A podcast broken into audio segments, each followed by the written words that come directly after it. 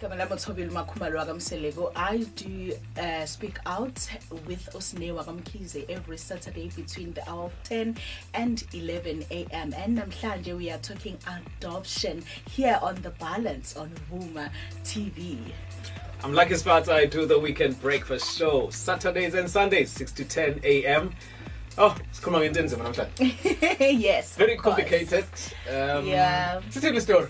I I think ikudinga kakhulu ke wena but like because uh um- um- umbukeli wethu ekhaya uthi yena um wa adoptwa and izinto zakhe azimhambele kahle. So ufuna ukucaciseleka ukuthi ngenzeka yini ukuthi kukhona kuumthelela eh wokuthi waye adoptiwe because of thina ndwe emnyama siyasazisa kakhulu isintu and esintwini there are a lot of things ekufanele uzibheke. Makukhulunywa ngawe nje uwedwa owalapho Yeah. kuleso sibongo. Imagine ke a situation la khona kusuke sekukhona umuntu oadoptiwe. Siyazi adoption goes a long way. Ngaba ukuthatha umntana kadade wenu u- u- umgcina uhlale naye wenzelwa kanjani izinto zakhe impilo yakhe sekufanele ime kanjani. Or Yeah. uadoptile umuntu nje or umntwana ongamazi ozoqala la ekhaya impilo entsha. Zithini izindlela zokuthi kufanele kwenziwe lento ngazo? Ukuze angazithola umuntu ethi kuyalunga akulungi mhlambi lokho mhlambi lokho Yeah, yeah, I'm yeah. sure wena but lakho uzoba nayo into because yena ufuna ukuzwa kakhulu from that aspect ye ye ye, ye spirituality. Kuzo kuzo- kuzodepend ekuthenini u-adopte kanjani. Mhlawumbe ngabe siyibuka nje i-adoption generally ukuthi uthatha umntwana uyamkhulisa yena ukhula wazi ukuthi wala ekhaya kuthi ngokuhamba kwesikhathi usiyathola ukuthi hayi kahle kahle akazalwa yilabazali bobabili. You know? i- i- la ifike bebhlungu khona ukuthi kusuke kukhona vele umzali kusuke kukhona abazali vele from from from the onset. Yes. Yeah. Sikhona isibongo zikhona izibongo embili sikamane sikababa somewhere in the Biological parents. you know? But uma ngabe ese ese esebenzisa isibongo sala adoptelwe khona then iproblem izoqala ngoba uthi mangabe enza izinto ngoba ngoba igama libalekile igama nje leli nje olisebenzisayo nje eh kwi kwi kwi ID kuphi kuphi la nje ubizwa khona kubhala khona. Igama is very important. Um because iyona nto ekwenza ukuthi connect direct nomsamo. Yes. Eh isibongo nje siba issue even noma kuthiwa Owalapho kuleso sibongo. usebenzisa isibongo kahle kahle kufanele ngabe ubizwa isibongo sikamama. Yes. Wena ubiza isibongo sikababa ngenxa Yes. yokuthi mhlawumbe eh u- u- wabona ku right kwenza lokho yabo? Iyakushaya still yabo? Ngalomzuzu u- u- uyazazi ngizalo lo baba ngizalo lo mama but ngenxa yesibongo esingapositionile kahle yenza ukuthi manje isignal noma iconnection yakho nomsamo wakho bese ingapheleliseki ungathola izinto zakho ayiqondani yabo?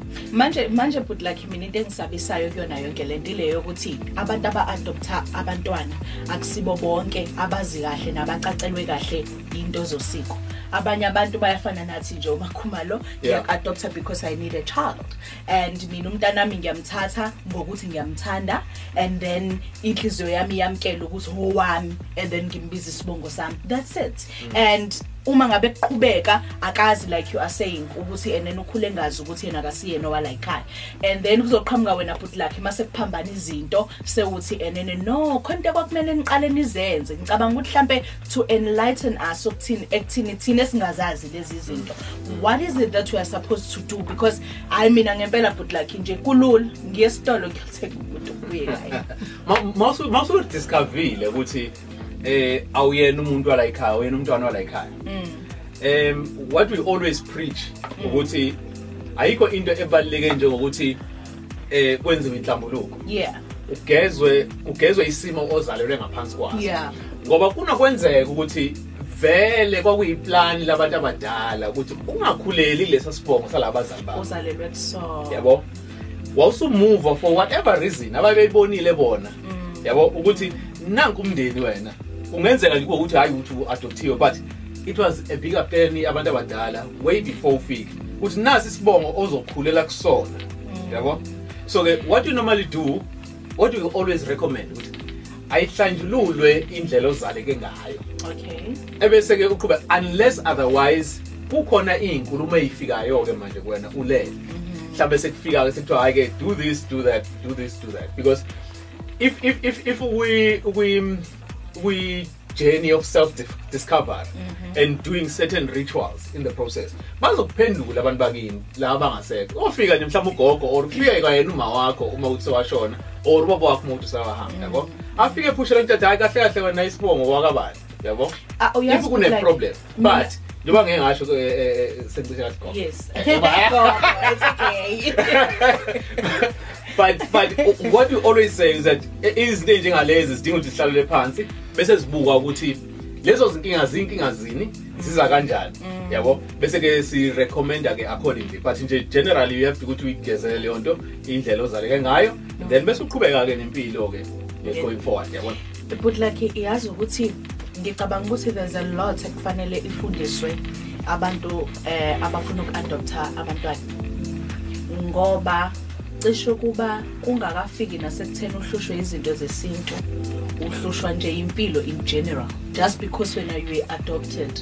Abantu nje banakho ukufuna uku- uku- ukutshela uyazi ukuthi kubuhlungu kanjani ukuzwa ngento kade ungayazi vele uqhamuke sewuzwa ngayo emini. I think nalokho kukodwa mina kungaku-affecta kungakafiki ekutheni uzo-affectwe izinto ze- zesintu ongazazi. Uyingane nje uze ukuthi enene ngoba le nkulumo zifika kancane kancane and abakuhlali awukufiki esikhathini la khona because I, i think mina i- iphathe enkulu fayidlalwe ilabantu abayibazali bakho abasha. Ekufanele bakuhlalise phansi at some point. Ba- ba- ba- bakutshele ukuthi ufike kanjani la ukhona. Thina ke ke eh but like iqiniso lithi siyasaba esikhathini esikhulu ukukhuluma. Siyasaba ukuthi mhlawumbe mengabe ngikhuluma em lo muntu uzoyithatha kanjani lento le ngifuna uku- ukuyikhuluma kuyena? Siba nalento lena yoku- yokuthi si- sibe ignorant singafuna ukucabanga ukuthi at, at, at, at some point kunomuntu ozomtshela.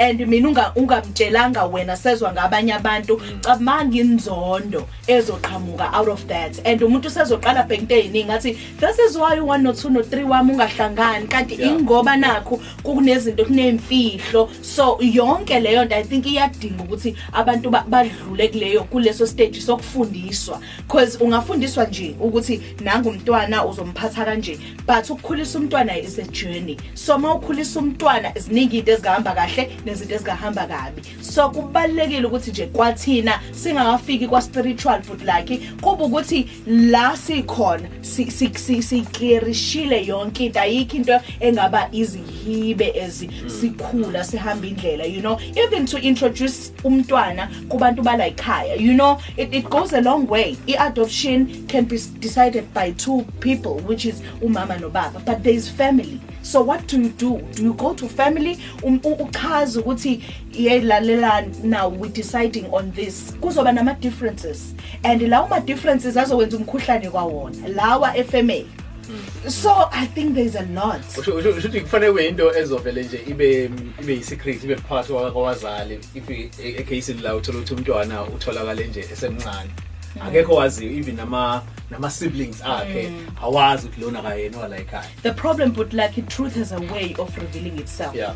I'm, I'm, I'm, I'm worried not unless if you're going to be able to just live as umama. Kube ngazuthi nidlala igame yokuthi you came back pregnant. But, but, it's what what what if the beshona truth. what if beshona labazali abak-adoptile ke manje? That's the thing um izo izothiwani into enjengaleyo I, I think but like nje mina honesty is the key ukuthi Yeah. abantu babe honest and ama stages bangaweqi uma sekufanele sikhulume ngaloko sikhulume ngakho uma sekufanele senze lokho emsam senze kona because i'm sure icase yomntwana oadoptiwe ifanele i-treatwe ngendlela e-different at all times because kunezinto ezi-tricky eh, eziningi ngeke kuvele kuthiwe nje Steven wesimanga bekuzothiwa ayi la ekhaya izinto zasemsama sizenze No, that's another one. Oh, that's another one. Lalelani. It becomes you know, difficult. it Very, becomes very difficult. Oh my. God. But like useshilo, if kukuthi kukhona ke like khaya bathi ke thina sisenziwa izinto zamasiko, asizenzi izinto zomsamo njengami. Ngiyadlala. um kuningi okungahamba kahle nokungahamba wrong because kuya ngokuthi ukholelwa enini but let's hope ukuthi um umbukeli wethu ekhaya siyothi siyiphetha nje uzobe sizakele